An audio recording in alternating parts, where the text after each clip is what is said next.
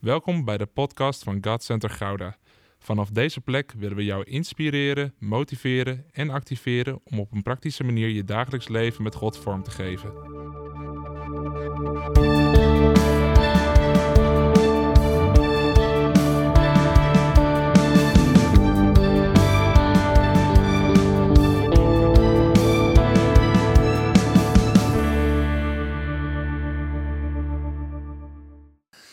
Vandaag willen we het hebben met elkaar over wat nou als je vermoeid bent door verdriet.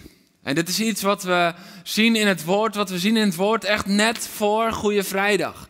Net voordat Jezus aan het kruis gaat, zien we vermoeidheid van verdriet. We gaan er zo over lezen. En ehm, terwijl ik daarover aan het nadenken was, toen moest ik erover denken dat misschien ken je die momenten wel, dat, je ehm, de tv aanzet en je gaat wat kijken. En terwijl je wat begint te kijken, voel je al van, ja, ik ga het einde niet halen. Kennen we dat als we een film aanzetten? Dat, je, dat, ja, dat, je, ja, ik ga het einde niet halen van deze film. En eh, ik heb dat regelmatig. Uh, als ik bijvoorbeeld een wielrenwedstrijd uh, aanzet, of een voetbalwedstrijd, of, of wat dan ook, een, een film samen met Peet. Dat, dat, dat, dat ik weet van, ja, dit ga ik niet redden. En, en de grap is dat ik, nou ja, weet je wel, je gaat lekker op de bank zitten. En, en, en vaak begin ik zo. En, en dan begin ik rechtop zittend. Rechtop zittend. Dit, dit gebeurt mij regelmatig als de Tour de France er is. Als de Tour de France er is in de, in de zomermaanden, dan vind ik het heerlijk. Uh, vooral op zondagmiddag, dan hebben we diensten gehad. En dan plof ik lekker op de bank en de kinderen zijn lekker aan het spelen. En dan denk ik, oh, lekker even de Tour kijken. Gewoon even voor alle mannen onder ons, de niksbox in, alles om je heen valt weg. Je zit gewoon naar 180 gasten op een fiets te kijken. Als je erover nadenkt, dan denk je, waar ben ik mee bezig? Maar het is gewoon heerlijk. Dus daar zit ik zo. En dan op het gegeven moment, dan merk ik van, ah, dan ga ik een beetje al zo liggen op de bank. En op het gegeven moment dan, dan, dan ga ik nog iets verder. En dan weet ik al van ja, ik ga het einde van deze etappe waarschijnlijk niet redden. Maar dan ga ik een beetje zo liggen kijken. En op het gegeven moment dan luister ik in plaats van dat ik kijk. En op het gegeven moment word ik wakker en denk ik, ze zijn al gefinished. Wat is wie heeft er gewonnen? Dat moment, dat, dat heb ik regelmatig. Peter en ik hebben dat ook wel als we een filmpje kijken met z'n tweeën. Dan, dan weet ik dat als wij in bed een filmpje kijken, dan hebben we ongeveer 10 minuten dat we samen kijken. En daarna ligt ze te slapen. Uh, als we beneden op de bank uh, zitten, liggen, hangen, dan, dan is het vaak nou, 20 minuten. Dan, dan rekken we dat iets op. Maar ik weet, ja, we kunnen best wel een actiefilm kijken. Want zij is na meestal bij een actiefilm, die eerste kwartier valt het nog mee. Dus dan zegt ze ook van ja, ik val toch zo in slaap. Zet me aan wat jij wil kijken. Zij wil echt geen actie zien. Zij wil gewoon romantische comedy. Dus, dus dan weet ik van, nou ja, weet je, die valt na 10 minuten in slaap. Dan kan ik gewoon een film aanzetten die ik zelf leuk vind. Maar dat is vaak hoe dat gaat bij ons. En, en ik, ik vind dat ook wel lekker. Maar dan, dan, dan ben je dus aan het kijken, terwijl je weet van oké, ik ga het einde niet halen. Maar ergens heb je ook al het akkoord gesloten, maar dat is helemaal niet zo erg. Want anders ga je niet zo steeds verder onderuit gezakt liggen. Als je echt, echt wakker wil blijven, als je echt iets spannend vindt, dan, dan, dan zit je rechtop en dan, en dan blijf je actief en dan wil je kijken. Zoals jullie nu allemaal zitten te kijken naar deze boodschap. Want jullie zitten natuurlijk op het puntje van je stoel van, kom op, ik ben benieuwd wat er gaat komen. Hoop ik. Of misschien zit je ook al zo onderuit gezakt en lig je te luisteren. Maar dan hoop ik dat je nu wakker wordt. Zo, nu ben je wakker. Um, maar dat moment hadden de discipelen dus ook. Net voordat Jezus naar het kruis ging, hadden de discipelen ook zo'n moment dat ze in slaap sukkelden. En daar zijn we vaak vernietigend over in ons oordeel. Dan zeggen we van, ja, hoe kon ze nou in slaap vallen? Terwijl Jezus aan het bloeden was van, van, van de druk die op hem kwam. Terwijl hij in gebed was tot zijn vader. Hoe konden zij nou maar ik wil je even meenemen in de fases daarvoor om te verklaren waarom zij in slaap vielen. En daarna zullen we het ook gaan lezen. Want de discipelen die hadden een intensieve tijd gehad, die vooral glorie halleluja was. Weet je, Jezus die overal heen ging. En overal waar hij kwam, tuurlijk, er was wel wat tegenstand. En de fariseeërs die, die wilden hem niet. En de schriftgeleerden wilden hem niet. En, en er was wel wat tegenstand. Maar overal waar Jezus kwam, genazen zieken, werden demonen uitgedreven. Overal waar hij kwam, kwamen mensen erbij in de menigte die hem volgden. Dus we zien, het is gewoon één groot succesverhaal. En dan op het gegeven moment vraagt Jezus ook aan Petrus, maar wie zeggen jullie dat ik ben? Weet je, heel vaak werd er gezegd, ja, men zegt, of, of de schriften zeggen, nee, maar wie zeggen jullie dat ik ben? En dat vind ik zo mooi, want Jezus zegt hier, van, ja, heel leuk wat jij allemaal denkt dat anderen over mij zeggen, maar wie zeg jij dat ik ben? Dat is misschien wel eens een hele goede vraag om jezelf te stellen. Wie zeg ik nou dat Jezus is voor mij? Wie is Hij voor mij? Niet voor mijn vader, niet voor mijn moeder, niet voor mijn vrienden, niet voor anderen. Nee, maar wie is Hij voor mij? En vanaf dat moment, Petrus die herkent hem als de Messias en, en die spreekt dat uit. En vanaf dat moment begint Jezus ook met een andere boodschap. En dat is een boodschap die wat minder in goede aarde valt. Want dat is de boodschap van lijden. Dat is de boodschap van pijn. Dat is de boodschap van sterven, van dood. En dat roept vraagtekens op. En naarmate het Pesachfeest dichterbij komt, begint Jezus daar steeds vaker over te hebben. En, en de discipelen zijn een beetje verward. En dan hebben ze die Pesachmaaltijd. Weet je, dat, dat hoort toch een, een feest te zijn. Dat hoort een feest te zijn, want op dat moment denken de Joden nog steeds aan dat ze bevrijd zijn uit Egypte. Dat is een feest van bevrijding. Dat hoort fantastisch te zijn. En, en de sfeer zou er goed in moeten zitten. Maar dan zitten ze aan tafel en dan begint Jezus over. Degene die mij zal verraden, die zit hier bij ons. En je voelt de stilte. En je voelt de spanning. En dan begint Jezus ook nog eens over, ja, Petrus, je zegt wel dat je altijd bij me blijft en dat je bereid bent om voor me te sterven, maar voordat de haan kraait heb jij me drie keer verlogend. En wat, wat, wat, wat, is dit voor spanning? Wat, wat is dit opeens voor sfeer? En dan staat er ook in Matthäus staat er dat de discipelen bedroefd waren om dit te horen. Ze waren verdrietig, ze waren bedroefd tot het diepste van hun ziel. Dus die laatste dagen waren vermoeiend geweest. De laatste dagen waarin het opeens ging over zijn lijden en niet meer over het feest en de overwinning. Laatste dagen waarin het opeens ging over verlogening en verraad. En misschien heb je je wel eens ingebeeld dat je erbij zat aan tafel. En je voelt die twijfel, die onzekerheid en het verdriet. En wat een feestmaal moest worden, werd een bedrukte sfeer.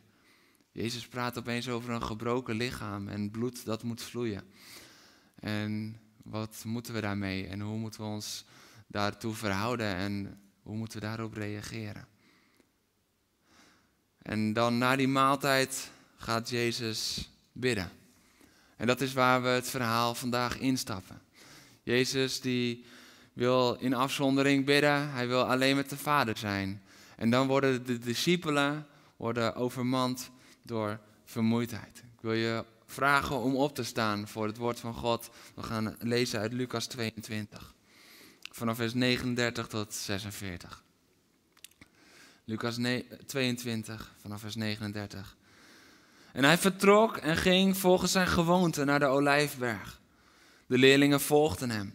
En toen hij daar was aangekomen, zei hij tegen hen: Bid dat jullie niet in beproeving komen. En hij liep bij een weg tot ongeveer een steenworp afstand ver en knielde daarna neer om te bidden.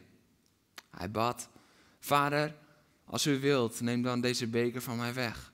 Maar laat niet wat ik wil, maar wat u wil gebeuren. Uit de hemel verscheen hem een engel om hem kracht te geven. Hij werd overvallen door doodsangst, maar bleef bidden. Zijn zweet viel in grote druppels als bloed op de grond. Toen hij na zijn gebed opstond en terugliep naar de leerlingen, zag hij dat ze van verdriet in slaap waren gevallen. En hij zei tegen hen: Waarom slapen jullie? Sta op en bid, dat jullie niet in beproeving komen. Sta op en bid, dat jullie niet in beproeving komen. Sta op en bid. En nu zit.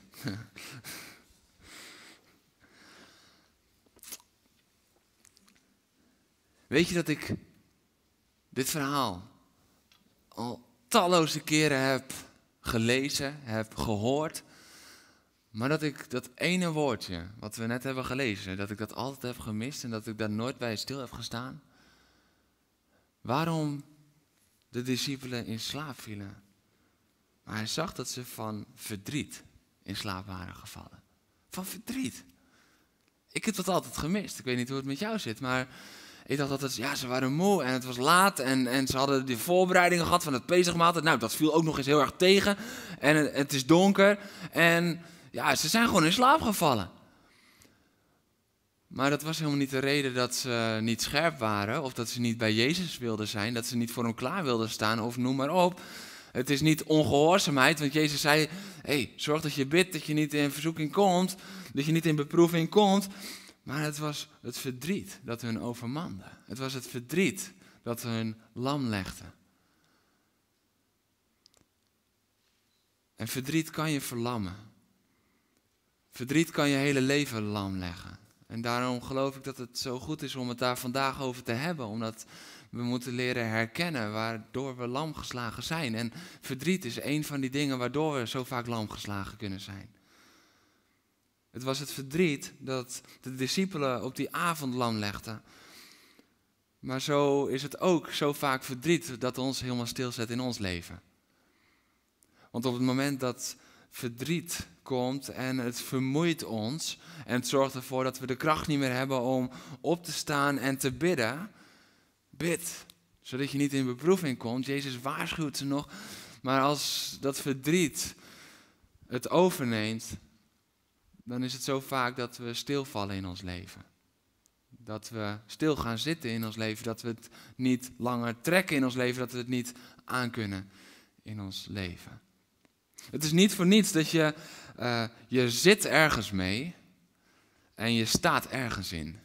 Zit je wel eens opgevallen dat zelfs de uitdrukkingen en de spreekwoorden die zeggen het eigenlijk al? Ergens mee zitten. Dat spreekt al over die passiviteit. Dat spreekt al over van ja, je zit ergens mee.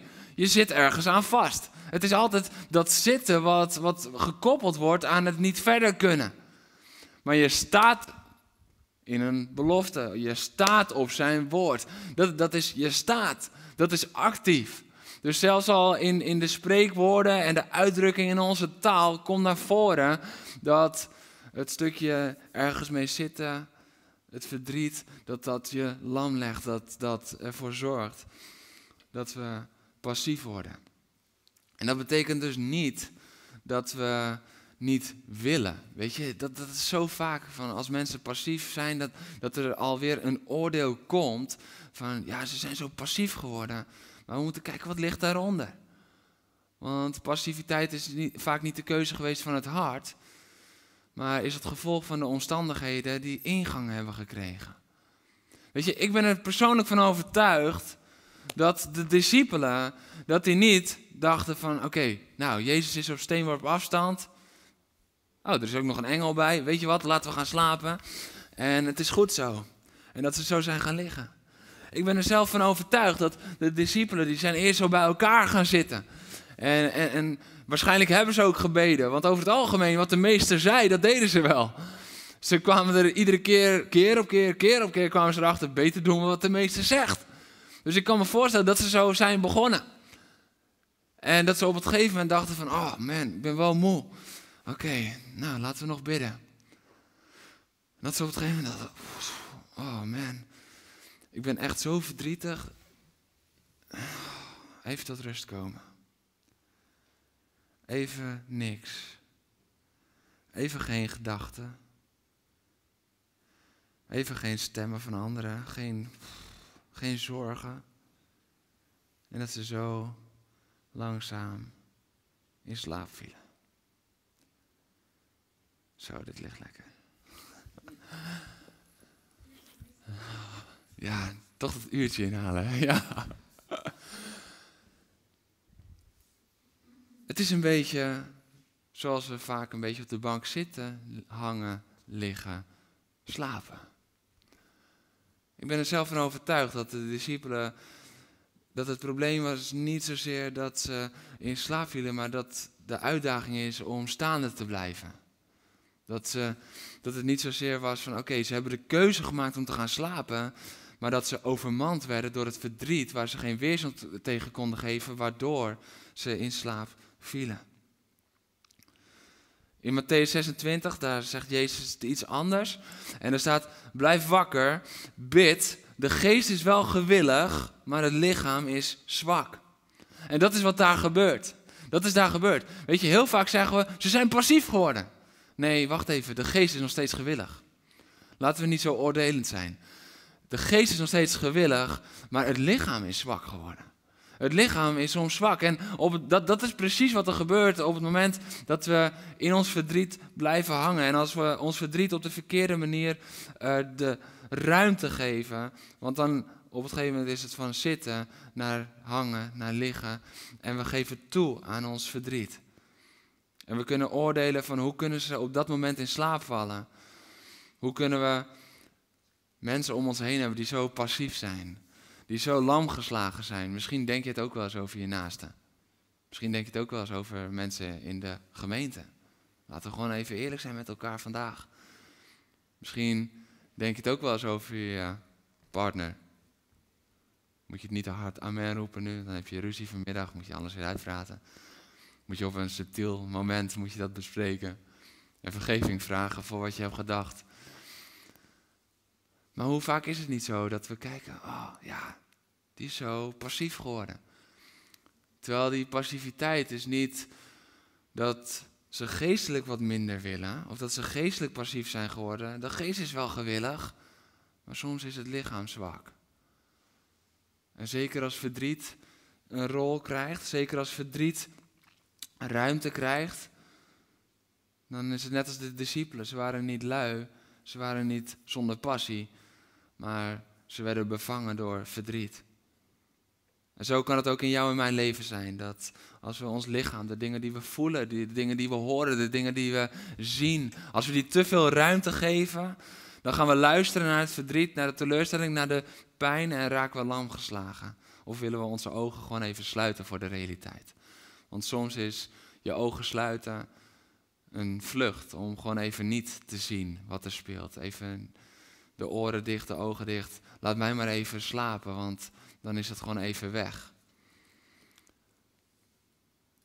Maar Jezus die komt dan met een roep. Jezus komt dan met een roep dat hij zegt niet van oké, weet je, slaap je verdriet maar weg. Dat zegt hij niet. Hij zegt ook niet stop je verdriet maar weg. Dat is niet de boodschap van vandaag. Mijn boodschap vandaag is niet van oké, hey, weet je, ook als je verdrietig bent, sta op, verheug je en doe alsof het er niet is. Nee, dat is niet de boodschap van vandaag. De boodschap is dat Jezus zegt, kom naar mij, alle die vermoeid en belast zijn. Kom naar mij. Maar het punt is wel dat hij zegt, kom naar mij daarmee. Is het je opgevallen dat hij heel vaak naar mensen toe komt, maar als het gaat over als je vermoeid of belast bent, dat hij zegt: Kom naar mij?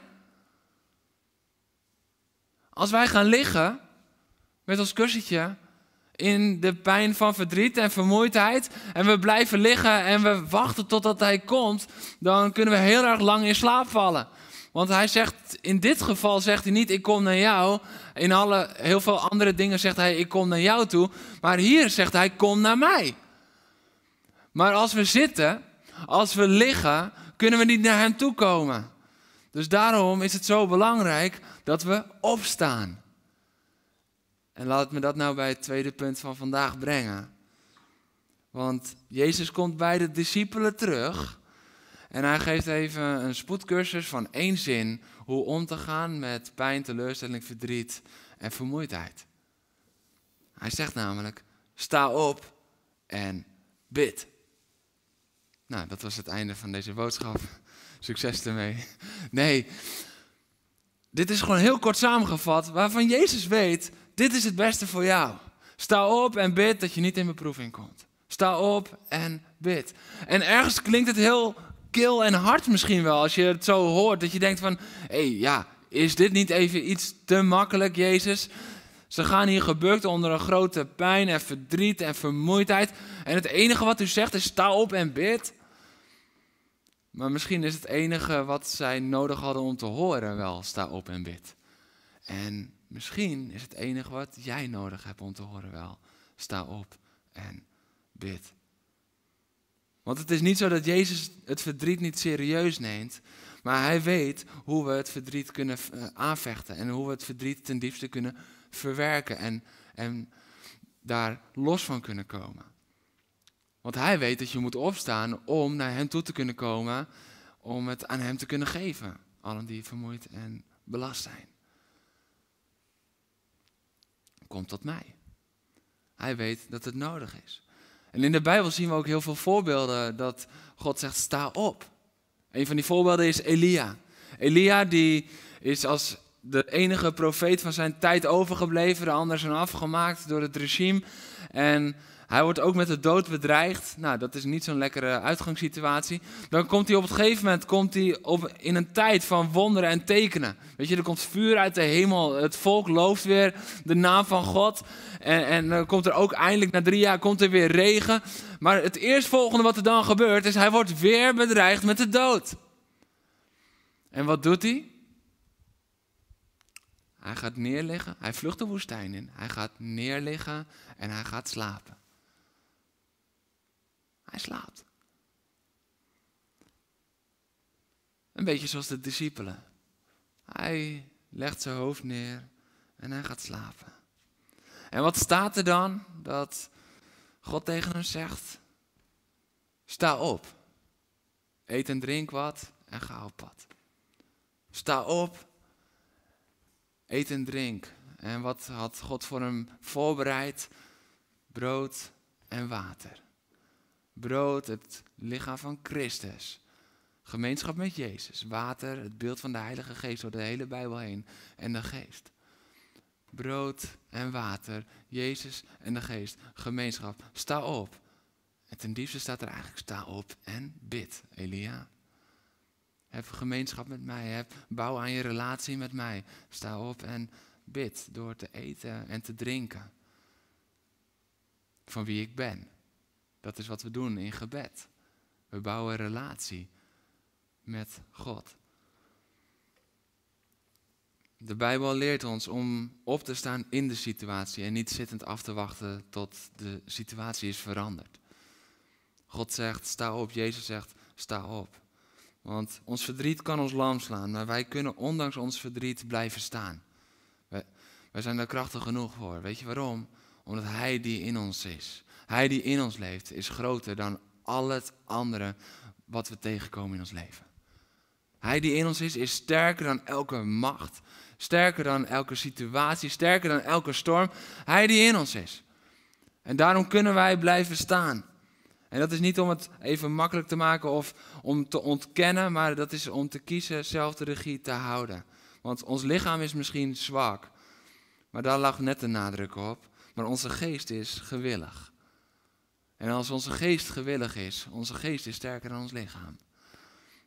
Dus het is niet zozeer van, oh man, dat wordt een strijd tussen die twee. Nee, het is naar welke van de twee luister ik. En welke van de twee geef ik de autoriteit in mijn leven.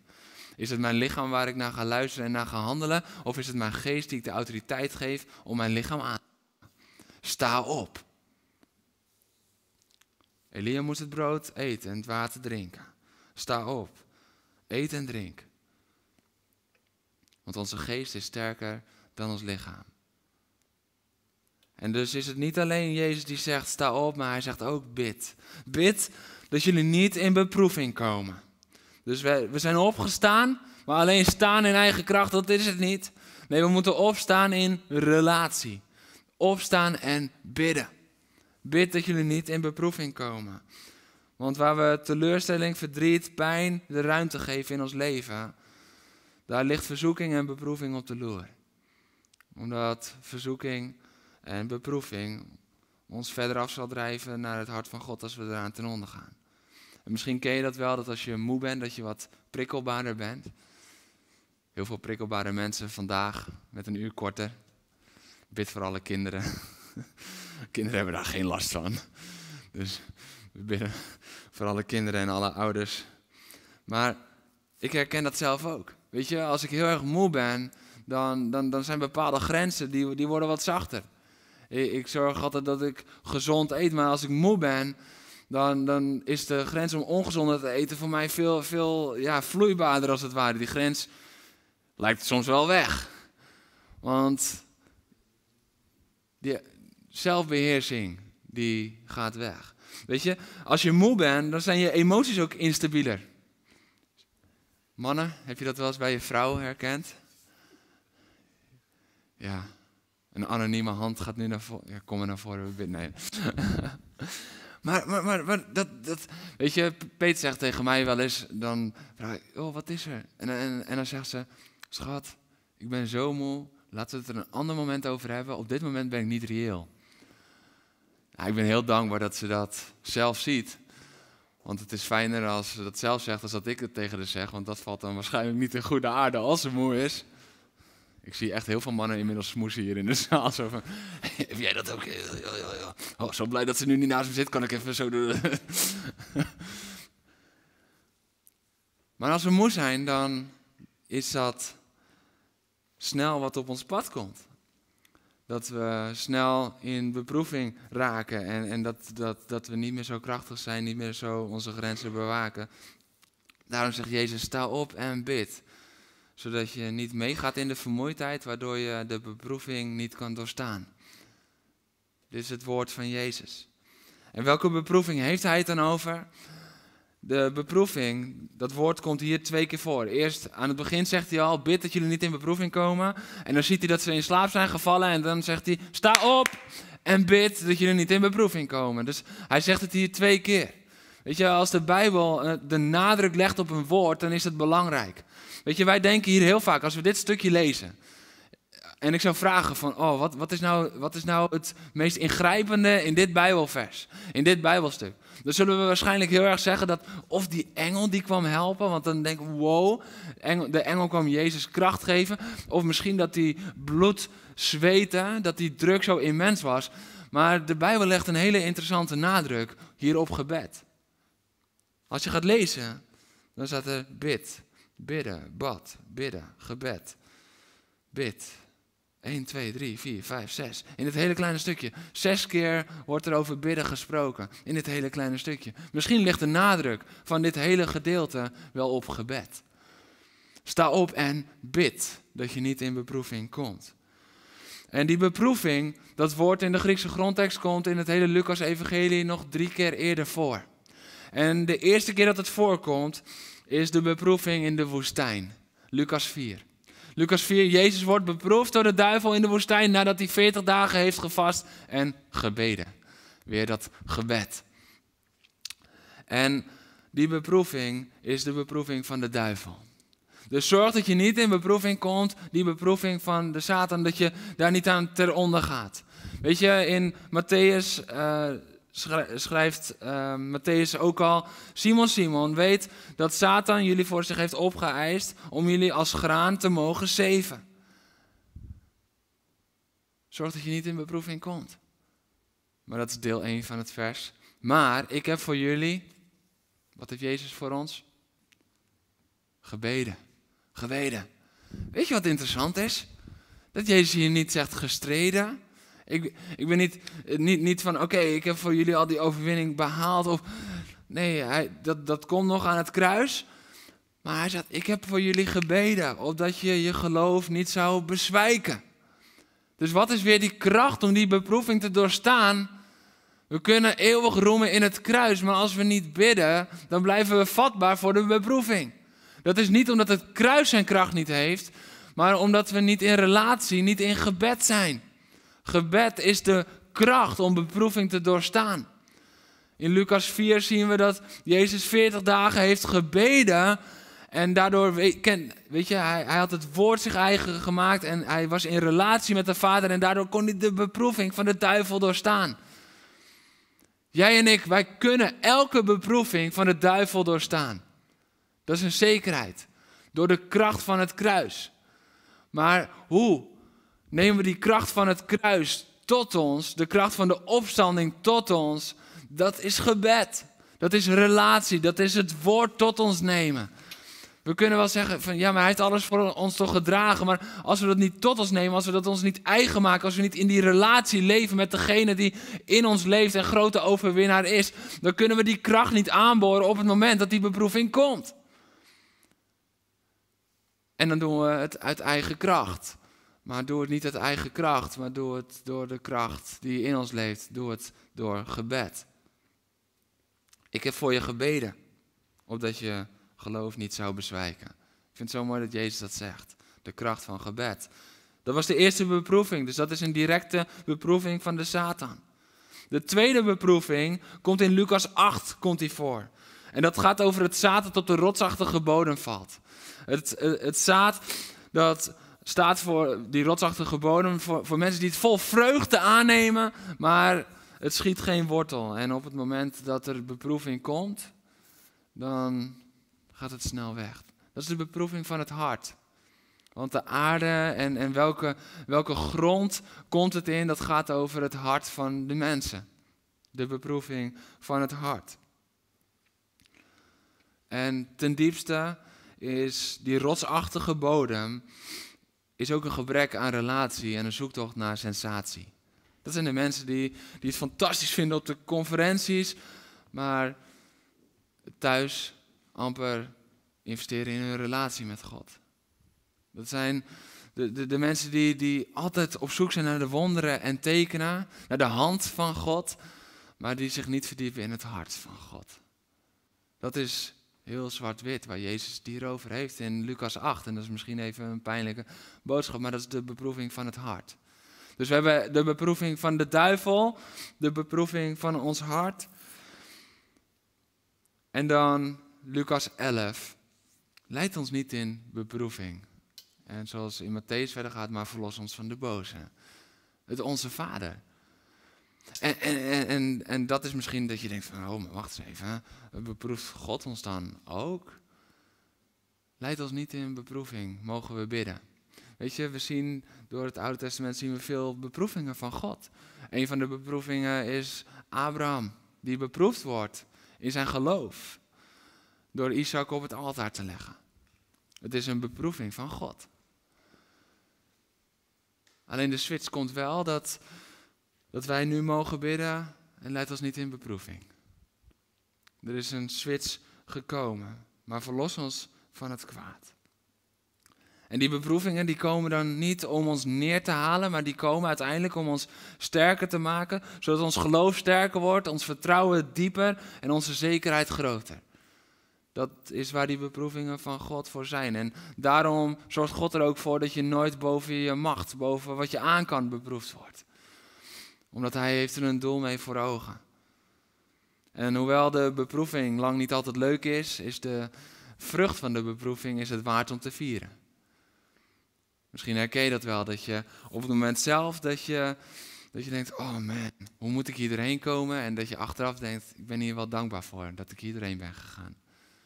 Dat op het moment zelf dat het pijn doet, maar dat je achteraf denkt, ja, dit is goed geweest.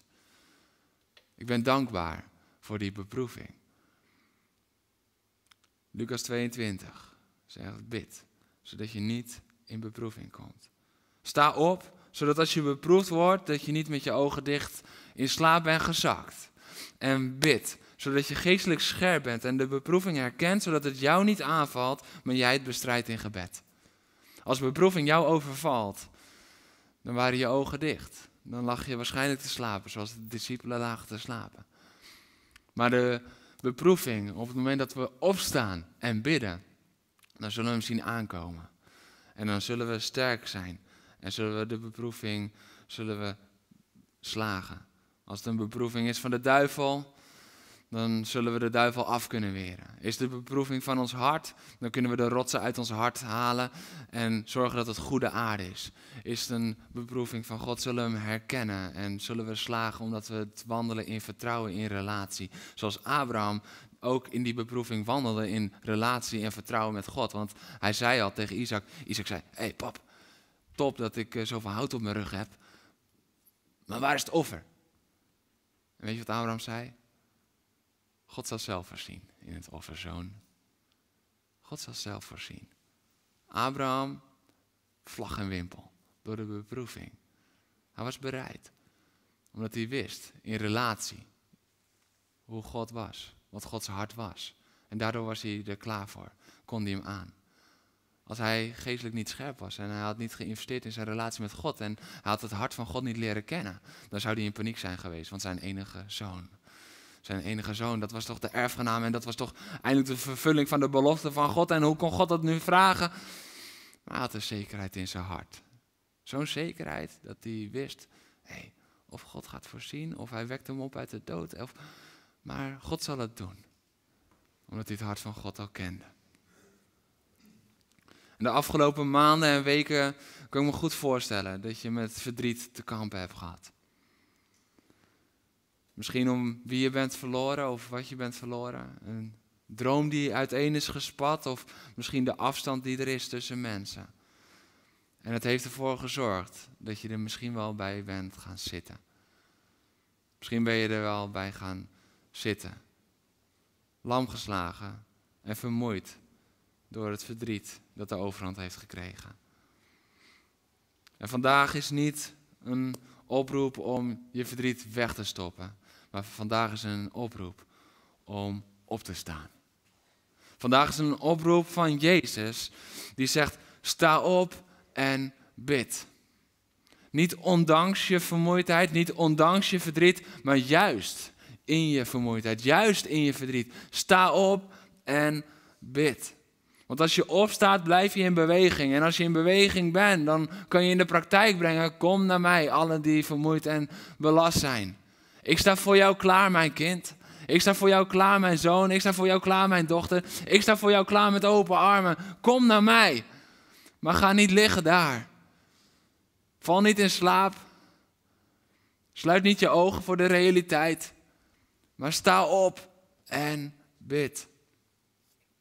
Ik vraag of de worship alvast naar voren komt. Opstaan is de enige manier om je verdriet echt te verwerken. Misschien ben je al tijdenlang lam geslagen. Misschien zie je het al een tijdje allemaal niet meer zo zitten. Misschien is het al een tijdje voor jou overleven in plaats van leven. En als Jezus dan zegt, sta op en bid, dat je niet in beproeving komt.